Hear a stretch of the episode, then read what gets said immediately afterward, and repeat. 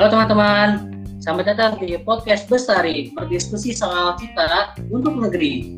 Nah, hari ini saya Akmal akan menemani kalian dalam beberapa menit ke depan.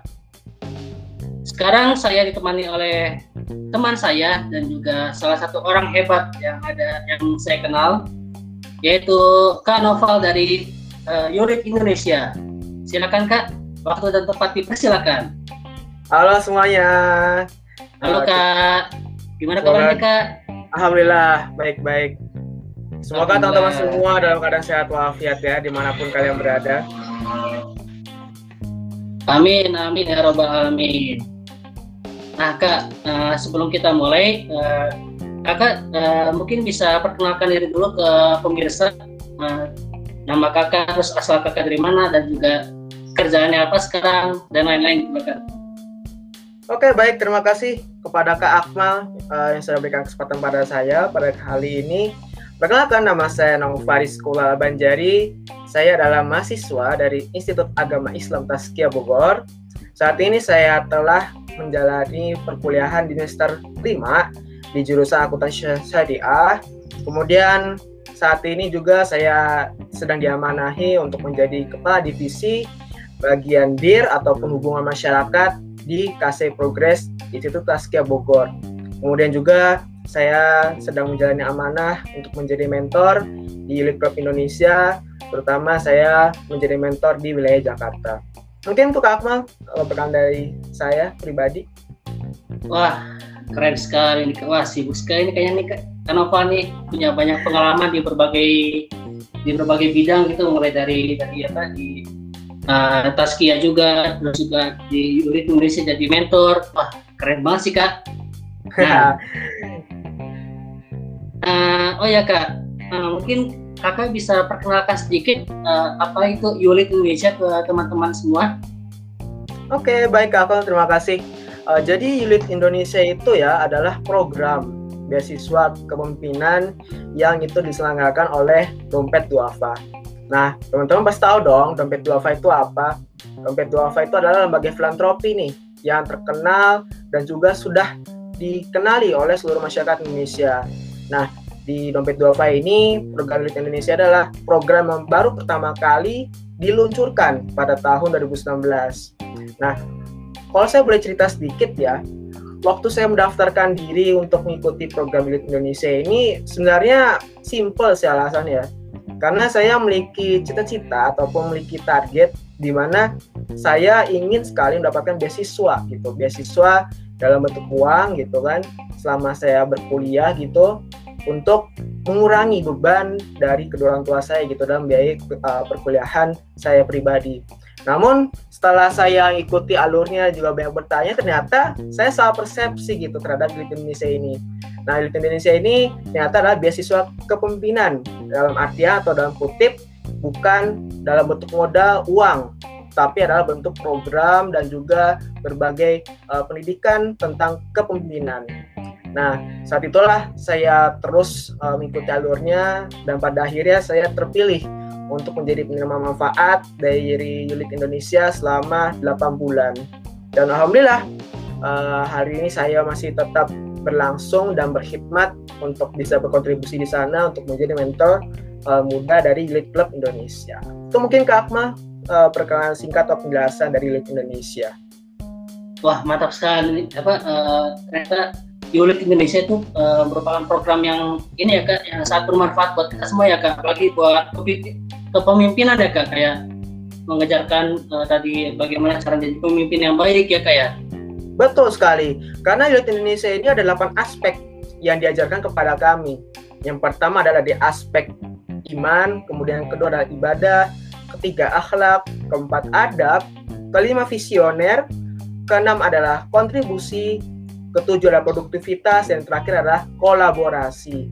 Nah, dari sinilah 8 aspek ini yang ditanamkan kepada seluruh penerima manfaat ya. Karena waktu di zaman angkatan saya, total penerima manfaat pada saat itu adalah sekitar 500 orang kurang lebih. Itu yang tersebar dari beberapa regional ya ataupun 11 wilayah pada saat angkatan saya. Namun sekarang di angkatan kedua ini alhamdulillah jumlah penerima manfaatnya semakin di dipersempit atau diperkecil karena memang uh, ada berbagai prioritas untuk dimaksimalkan. Kalau misalkan kebanyakan SDM kan akan kurang maksimal gitu, makanya diperkecilkan untuk bisa memaksimalkan potensi yang ada gitu. Dan alhamdulillah saat ini sudah ada 12 wilayah untuk menerima uh, program ini dengan baik gitu dari dompet duafa Indonesia. Gitu Kak Mal. Mantap sekali ternyata ya program dari Unit Indonesia itu kayak uh, sangat berfaedah dan dan juga satu manfaat untuk kita semua ya kak ya. Iya Betul sekali. Uh, nah kita membahas di, apa uh, dari unit Indonesia ini ada hubungannya dengan apa yang kita akan bahas hari ini kak, yaitu tentang kepemimpinan. Nah, tadi kan uh, Kak Nova sudah menyinggung dikit ya soal kepemimpinan itu uh, ibarat kayak satu hal yang sangat penting ya kak ya. Betul sekali. Nah, kira-kira menurut Kak Nova itu arti dari kepemimpinan itu apa ya Kak? Ya, jadi gini ya, sederhana itu kepemimpinan tuh ada dan hadir ketika kita memiliki followers. Ketika ada imam, ya kita perumpamannya adalah ketika kita sholat, ada imam dan juga ada makmum gitu. Ketika imam imam itu adalah uh, dia memimpin kita sholat, maka ada makmum yang ikuti. Nah, begitu juga dalam kehidupan realitas kita, di mana ketika ada pemimpin pasti ada followersnya gitu. Maka dari itu, kepemimpinan adalah bagian terpenting dalam kehidupan, karena kepemimpinan atau spesifik subjektif adalah pemimpin, di sini dia harus memiliki sebuah cerminan keteladanan untuk bisa diikuti oleh para followersnya gitu. Makanya sebenarnya menjadi pemimpin itu tidak mudah gitu. Karena lagi-lagi gerak kita, tindak tanduk kita dan sebagainya itu diikuti dan juga diperhatikan oleh para followers kita. Gitulah hakikat pemimpinan yang harus kita pahami dulu nih dari sini. Gitu lah Akmal. Hmm, jadi maksud dari ke, apa kepemimpinan itu adalah skill yang memang uh, jadi pemimpin itu kita bisa iba, uh, ibaratkan pemimpin itu uh, ibaratkan imam dalam sholat ya kayak Betul. bagaimana memimpin sholat yang baik dan juga Betul. Uh, dan sebagainya itu dari apa perumpamaan imam sholat tuh bisa kita implement, implementasikan dalam kehidupan sehari-hari ya kayak kayak jadi bagaimana Betul. kita jadi pemimpin dalam diri kita sendiri atau pemimpin orang lain ya kayak Betul. Tetapi ada catatan juga nih. Pastinya pemimpin itu tidak sempurna, pastinya ya. Karena kan lagi-lagi pemimpin itu dari manusia gitu. Nah, ketika pemimpin itu memiliki kesalahan atau berkesalahan, pasti dia harus ditegur dong, diberikan nasihat atau diberi peringatan. Sama halnya dengan sholat, ketika pemimpin lupa rokaatnya atau salah ataupun kelebihan sujudnya, maka akan di, akan diingatkan oleh makmumnya gitu. Makanya sejatinya itu pemimpin itu tidak sehal seterusnya dia itu diikuti karena dia meyakini saya itu benar loh. Tetapi ada kali dia pasti bersalah, makanya perlu diingatkan untuk bisa memperbaiki ataupun kembali kepada koridornya begitu. Baik, jadi apa pemimpin itu uh, walaupun dari apa uh, bahwa pemimpin itu harus uh, diikuti, tapi uh, ada beberapa hal yang uh, tidak uh, pemimpin itu harus diingatkan ya kayak ya, tetap berada di jalan yang benar ya kayak. Betul sekali. Oke, uh, oh ya kak, uh, sekarang ini kak apa? Uh, bagaimana sih kak caranya untuk menjadi uh, eh bagaimana caranya kita bisa berjiwa uh, pemimpin kak? Ya, saya nggak bakal memberikan langkah ataupun tips and trick yang susah. Yang sebenarnya perlu diperhatikan dan juga harus kita lakukan adalah bagaimana sih kita untuk bisa berempati terhadap permasalahan di sekitar kita. Simpel saja itu. Ketika kita sudah bisa melihat permasalahan yang ada di depan mata kita ataupun di sekitar kita dan juga kita bisa berempati gitu, maka disebutlah pemimpin situ. Karena sudah ada niat, wah saya ini ingin loh ingin perbaiki ini. Saya ingin menengahi ataupun bisa menyelesaikan masalah yang ada gitu. Makanya di akhirnya dia pemimpin itu adalah bisa memberi solusi gitu. Dia harus memberikan solusi-solusi terbaiknya gitu untuk bisa perbaiki masalah yang ada. Maka kalau misalkan dibilang pemimpin tidak bisa menyelesaikan permasalahan maka tidak bisa disebut dengan pemimpin gitu. Karena lagi-lagi esensinya pemimpin itu adalah penengahnya dia memberikan keputusan gitu ketika putusan itu sudah diberikan maka nanti akan memberikan dampak apakah perbaikan ataupun sebaliknya gitu jadi situlah simpelnya kita untuk bisa memahami bagaimana sih jiwa pemimpin itu adalah ketika kita sudah bisa melihat permasalahan yang ada, kemudian kita sudah bisa juga untuk bisa berempati untuk bisa memberikan solusi-solusi terbaiknya terhadap permasalahan tersebut. Begitu. Baik. Berarti uh, untuk menjadi pemimpin itu dimulai dari tumbuh untuk tumbuhkan rasa empatinya dulu ya kayak kayak bagaimana kita Betul. melihat keadaan sekitar dan bagaimana kita perhatikan apakah ini uh, kira-kira uh, pokoknya kita melihat kayak lingkungan sekitar apakah ini sudah tepat atau belum ya kayak kayak apakah Betul. ini sudah uh, kalau ibarat pemimpin negara apakah sudah sejahtera atau belum ya kayak Betul sekali. Karena itulah, karena gini deh, hidup kita tuh pasti akan dihadapi dengan berbagai tantangan dan juga cobaan, termasuk ya permasalahan. Kita ambil contoh aja ya yang apa lingkupnya kecil ya, seperti negara kita Indonesia gitu. Indonesia ini adalah negara yang bisa bilang negara besar dengan sumber daya manusia yang berlimpah, kemudian sumber daya alam yang sangat berkah dan juga sangat bermanfaat untuk bisa kita manfaatkan. Tetapi ternyata di balik itu ternyata masih banyak permasalahan-permasalahan yang ada gitu. Ya semisal ya kalau kita bisa terlihat ataupun kita bisa secara langsung tuh kemiskinan ataupun kebodohan atau apalagi misalkan ya uh, dalam lingkup makronya kita masih lihat di mana permasalahan korupsi KKN ya yang masih berlangsung itu adalah sebuah permasalahan. Makanya pemimpin yang berani untuk bisa memberikan keputusannya dalam apa menyelesaikan permasalahan tersebut itu disebutkan pemimpin gitu. Karena lagi-lagi esensinya di situ. Pemimpin itu hadir untuk bisa memberikan solusi terhadap permasalahan yang ada. Oh benar sekali sih kak. Menurut saya juga seperti itu kak. Apa pemimpin yang baik adalah pemimpin yang solutif dan juga yang berani mengambil tindakan yang tepat ya. Betul, betul sekali. Baik kak, uh, sekarang ini kak apa uh, mau nanya lagi nih kak nih soal ini apa uh, terkait dengan kepemimpinan tadi nih. Jadi bagaimana sih kak caranya kepemimpinan itu dalam pengajaran kak? Kan uh, kita ini kan visi pengajar tuh di bidang pengajaran ya kak pengajaran anak-anak gitu. Nah mm-hmm. kira-kira dari kepemimpinan ini uh, dalam bentuk aplikasinya dalam dunia pengajaran itu bagaimana kak menurut kakak? Ya lagi-lagi ya kalau misalkan kita telisik sejarah kita gitu sungguh luar biasa gitu ya kalau misalkan anak-anak Indonesia tuh senang belajar sejarah ya uh, pastinya mereka akan menemukan dan juga sudah senang gitu karena pada zaman dulu ya masih jam penjajahan gitu terdapat sosok pahlawan pendidikan nasional yang kita kenal dengan Ki Hajar Dewantara. Nah, beliau adalah pahlawan pendidikan nasional yang waktu itu dia menggagas sebuah filosofi ataupun konsep pendidikan yang sudah kita ketahui ya ada tiga semboyan sebenarnya namun yang terlihat di kita itu ada satu semboyan yaitu Tut Puri Handayani. Nah saya akan menjabarkan tiga konsep gitu yang dijabarkan oleh Ki Hajar Dewantara. Pertama adalah Ing Ngarso Sung Tolodo. Yang kedua adalah Ing Madio Mangun Karso. Yang ketiga adalah Tutpuri Handayane. Apa sih artinya dari setiap filosofi itu? Pertama, Ingalso Sungtolodo. Bagaimana sih dalam hal ini guru ya, guru itu sebagai pemimpin ya di ranah pendidikan gitu, dapat memberikan contoh, teladan gitu kepada siswa-siswinya gitu, peserta didiknya gitu. Dalam hal apa? Dalam hal bicaranya, perilakunya ataupun pemikirannya gitu terhadap pendidikan yang ada di Indonesia. Kemudian Imadio Mangkarso, apa sih filosofinya itu?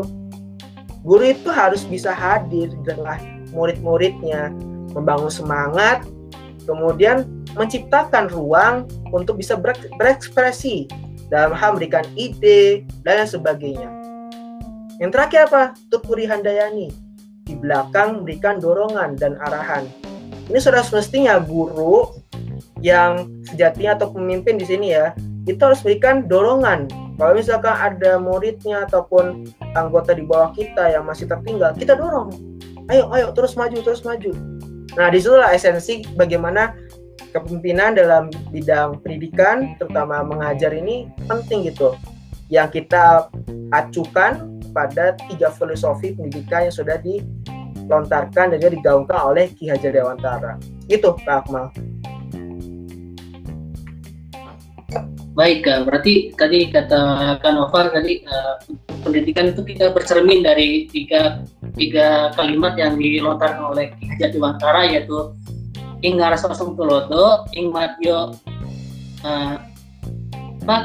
Mangun Karso. ya ing ing kar ing karso mang ing matyo mangun karso dan ketika Putri Handayani. Nah, tiga poin ini merupakan uh, ini ya Kak, poin penting dalam uh, kepemimpinan itu dalam pendidikan ya di mana guru itu uh, menjadi teladan di depan apa uh, jadi contoh di depan jadi penengah di apa jadi penengah juga dan juga mendorong uh, muridnya untuk maju di belakang ya kak ya. Betul sekali. Karena lagi-lagi pemimpin tuh harus bisa mikirkan semuanya gitu nggak bisa mikir salah satunya misalkan kalau misalkan mikir salah satunya maka akan apa tercipta dampak kecemburuan sosial dong gitu. Itu kan nggak boleh sejatinya. Makanya pemimpin itu harus adil. Harus adil ya dalam memberikan treatment atau perhatian kepada anggota-anggotanya atau murid-muridnya ya. Tadi guru ya kalau kita ambil studi kasusnya gitu. Maka di situlah uh, harusnya kita sebagai anak-anak Indonesia bangga gitu terhadap filosofi pendidikan filosofi pendidikan ini gitu yang dilontarkan oleh Ki Hajar Dewantara sejatinya itu Kak Akmal yang harus kita ketahui dan juga kita kaji gitu terkait filosofi pendidikan tersebut. Baik, benar sekali itu apa uh, tadi uh, tiga poin itu yang tadi penting untuk kita pelajari dalam sebagai seorang pengajar ya kayak. Ya? Nah, ini kepimpinan dalam pengajaran. Nah, ini kak uh, apa apa saja skill atau keterampilan yang harus dimiliki oleh seorang pemimpin tapi banyak yang orang itu tidak tahu kak. Maksudnya kayak skill tersembunyi dari uh, apa skill hidden uh, skill tersembunyi jadi dari apa kepemimpinan itu kira-kira apa ya kak yang menurut orang itu mungkin banyak orang tidak tahu tapi sebenarnya itu uh, penting itu kak. Ya kalau misalkan berdasarkan pengalaman pribadi saya dari saya semenjak organisasi berorganisasi di SMA sampai sekarang gitu. Yang tersembunyi sebenarnya adalah pembiasaan ya. Pembiasaan dan juga bagaimana sih kita untuk bisa memanfaatkan potensi yang ada gitu dalam diri kita. Karena gini manusia tuh sudah Allah ciptakan secara sempurna. Kita ciptakan dengan akal kemudian ada hawa nafsu juga gitu. Maka kedua hal ini harus kita seimbangkan. Tidak boleh akal yang kita lebihkan gitu kan. Tetapi hawa nafsu kita kurang gitu nggak boleh. Tetapi kalau misalkan sebaliknya hawa nafsunya kita perbesar namun uh, akalnya kita perkecilkan itu nggak boleh juga. Maka harus seimbang gitu. Nah dari situlah sebenarnya kita harus bisa mengetahui gitu bagaimana kita bisa memanfaatkan potensi mengenai diri kita gitu untuk menjadi seseorang yang benar-benar bermanfaat gitu.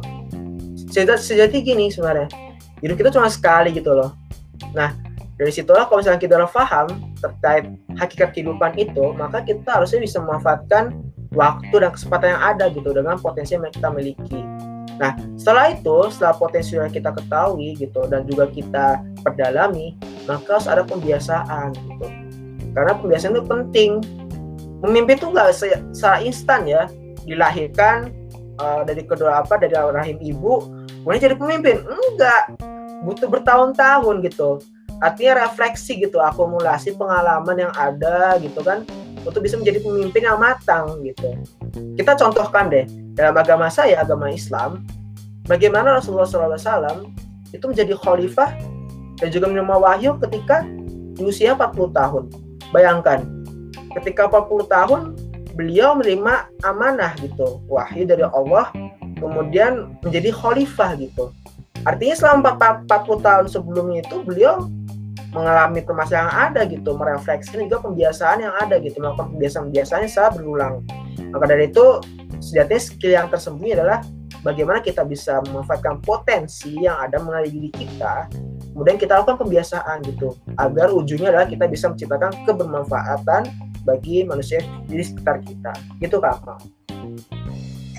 Baik Kak, berarti uh, skill-skill tersembunyi yang disebut oleh Kak Nova itu adalah yang pertama adalah uh, maksimalkan potensi yang ada dalam diri kita dan juga kedua adalah pembiasaan ya kak.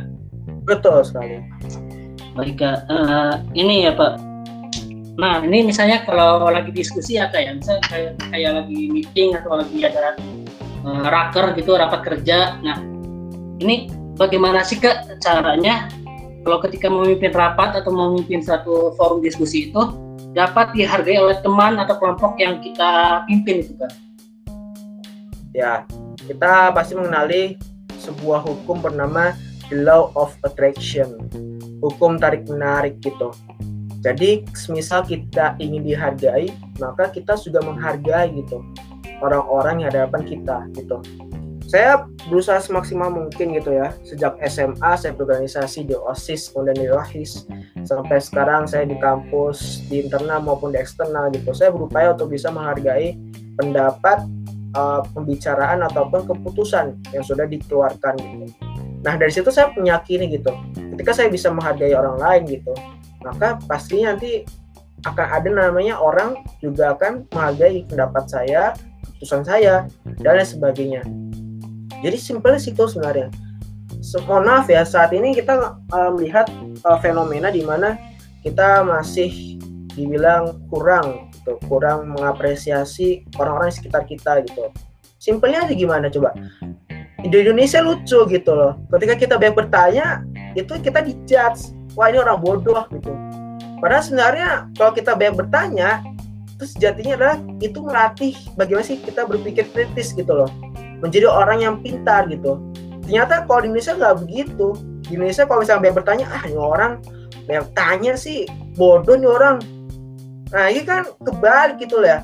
Makanya sejatinya kalau saya mencoba ya saya menjadi pimpinan gitu kan di sebuah kelompok atau organisasi saya berusaha untuk bisa memaksimalkan ruang pada anggota-anggota saya gitu. Terserah mereka bertanya bertanya silahkan saya mengapresiasi justru ya menghargai gitu kan ini kan sebagai bentuk kita menghargai uh, pertanyaan ataupun bagaimana orang itu mengetahui gitu, mengetahui berbagai hal yang ada dari kita gitu. Makanya sebenarnya itulah sebenarnya simpelnya gitu. Uh, mudahnya kita menghargai orang lain ya simpelnya ya udah ketika ingin dihargai maka kita menghargai orang-orang yang ada di sekitar kita gitu kak Akmal. Baik kak. Berarti uh, kalau katakan novel itu kunci dari bagaimana kita dihargai oleh orang lain adalah menghargai orang lain itu ya kak. Jadi saling menghargai satu sama lain ya kak. Benar betul. Betul. Jadi manusia itu bukan individualisme ya. Tapi kita kebersamaan gotong royong gitu. Kita masih pasti membutuhkan uh, orang lain gitu untuk bisa membantu kita dan sebagainya. Jadi ya tadi menurut saya uh, konsep hukum the law of attraction, hukum teknik itu itu adalah hukum yang lumrah dan saya yakini itu terjadi dalam kehidupan kita. Gitu Kak Akmal. Baik Kak, tadi kan Kak Nova bilang bahwa uh, yang mempengaruhi dalam apa kayak yang supaya apa yang mempengaruhi orang itu respect adalah kita uh, respect terhadap orang lain juga ya.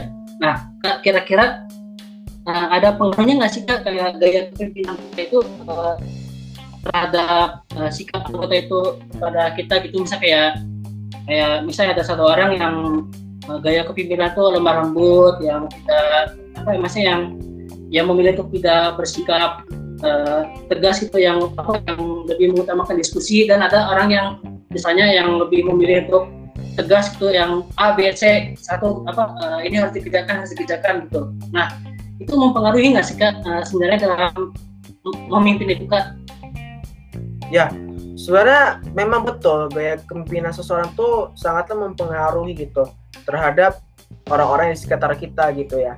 Nah, contohnya misalkan ya, memimpin yang banyak duduk di belakang meja, maka hasil di lapangannya adalah tidak ada sesuatu hal yang dirasakan oleh masyarakat.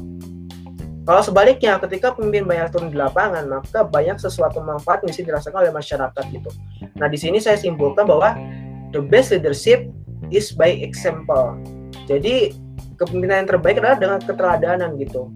Dan saya mencoba dan juga melakukan hal itu gaya kepemimpinan dengan keteladanan. Saya rasa itulah yang membuktikan gitu bahwasanya ketika kita hadir lebih awal gitu kan, kemudian orang di sekitar kita pasti akan mengikuti kita gitu. Wah ini pimpinan kita nih bisa kok gitu kan untuk bisa misalkan hadir lebih awal gitu ataupun banyak lebih diskusi gitu dengan anggota-anggota anggota-anggotanya turun ke lapangan dan sebagainya. Pasti orang-orang sekitar di belakang kita nih akan mengikuti kita gitu untuk tujuan terjun ke lapangan ataupun mendengarkan berbagai aspirasi ataupun pembicaraan gitu yang ada di anggota-anggotanya. Makanya di situlah sebenarnya pemimpin tuh bukan asal tunjuk doang. Lo harus gini A B C D. Nggak begitu. Tapi dia harus juga memerintahkan memberikan arahan kemudian juga ikut terjun bersama para anggotanya. Begitu Kak terkait gaya kepemimpinan tuh sangat mempengaruhi gitu terhadap orang-orang yang kita pimpin begitu. Baik berarti uh, tadi katakan Novel itu uh, bahwa uh, gaya kepemimpinan itu memang mempengaruhi sekali ya dalam apa dalam uh, suatu aktivitas seperti kerja atau sebagainya ya kayak tadi seperti Kanova bilang pemimpin yang turun langsung ke lapangan itu adalah pemimpin yang uh, ibaratnya yang lebih apa kayak lebih baik gitu. Karena apa karena mengetahui uh, mengetahui lapangan secara langsung ya melihat melihat secara langsung gitu daripada pemimpin yang berada di belakang ya, ya kayak betul sekali betul.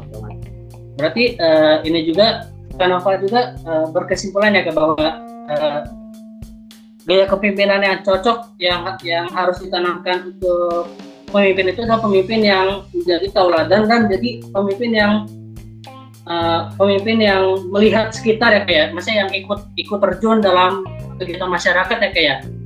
Betul. Karena lagi-lagi sekarang Indonesia tuh ya kalau kita misalkan kita merujuk pada Indonesia Indonesia sebenarnya membutuhkan sosok gitu lah kita sebenarnya krisis sosok gitu loh. Sosok mana sih yang ideal kan gitu ya? Bisa dibilang gitu. Ideal yang misalkan yang jadi teladan banget gitu kan. Namun kan nggak ada gitu. Makanya kembali lagi gitu. Di dalam agama Islam mengajarkan bahwasanya suri tauladan terbaik kita dalam kehidupan manusia adalah Rasulullah SAW uswatun hasanah gitu. Aku aja mau menyebutkan itu loh. Suri tauladan gitu. Makanya kembali lagi saya meyakini bahwasanya kepemimpinan terbaik adalah dengan keteladanan gitu. Bagaimana kita bisa memberikan contoh dalam hal memberikan statement, perkataan gitu. Kemudian bagaimana kita berpikir atau memberikan sebuah keputusan dan kemudian pada akhirnya adalah tindak laku kita. Perilaku kita apakah baik atau buruk gitu di mata masyarakat ataupun anggota. Gitu Kak Baik, jadi apa uh, kesimpulan yang saya dapat dari hari ini itu bahwa kunci dari pemimpin yang baik adalah pemimpin yang mampu memberikan tauladan yang baik kepada masyarakat ya betul sekali. Oh ya kak. Uh, ini uh, sebelum penutup nih kak uh, apa apa kira-kira ada nggak kak cita-cita yang kakak ingin wujudkan untuk negeri ini kak? Ya sederhana gini ya pasti setiap manusia punya cita-cita, punya jalan ninjanya masing-masing, dan juga punya target ya.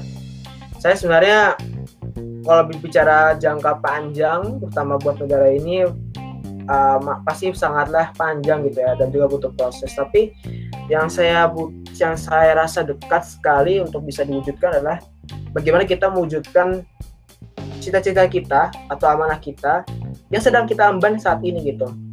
Ya kita belajar aja gitu loh di organisasi yang kita uh, saat ini gitu. Kita belajar banyak di situ. Kita berusaha untuk bisa memberikan kontribusi yang terbaik di sana. Karena pada dasarnya amanah ataupun pemimpin itu bukan serta merta adalah posisi itu melainkan bagaimana dia untuk bisa memberikan kontribusi terbaik bagi negaranya ataupun orang-orang sekitarnya aja yang terdekat dulu gitu. Nah, saya karena background saya itu adalah uh, ekonomi dan keuangan syariah ya gitu.